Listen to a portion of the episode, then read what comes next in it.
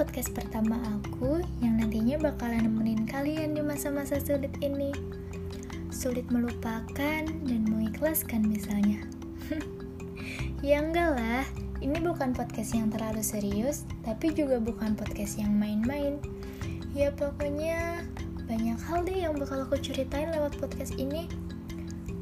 Oh ya, by the way, selamat ya buat kalian yang udah punya perguruan tinggi harus siap-siap kuota banyak nih kayaknya.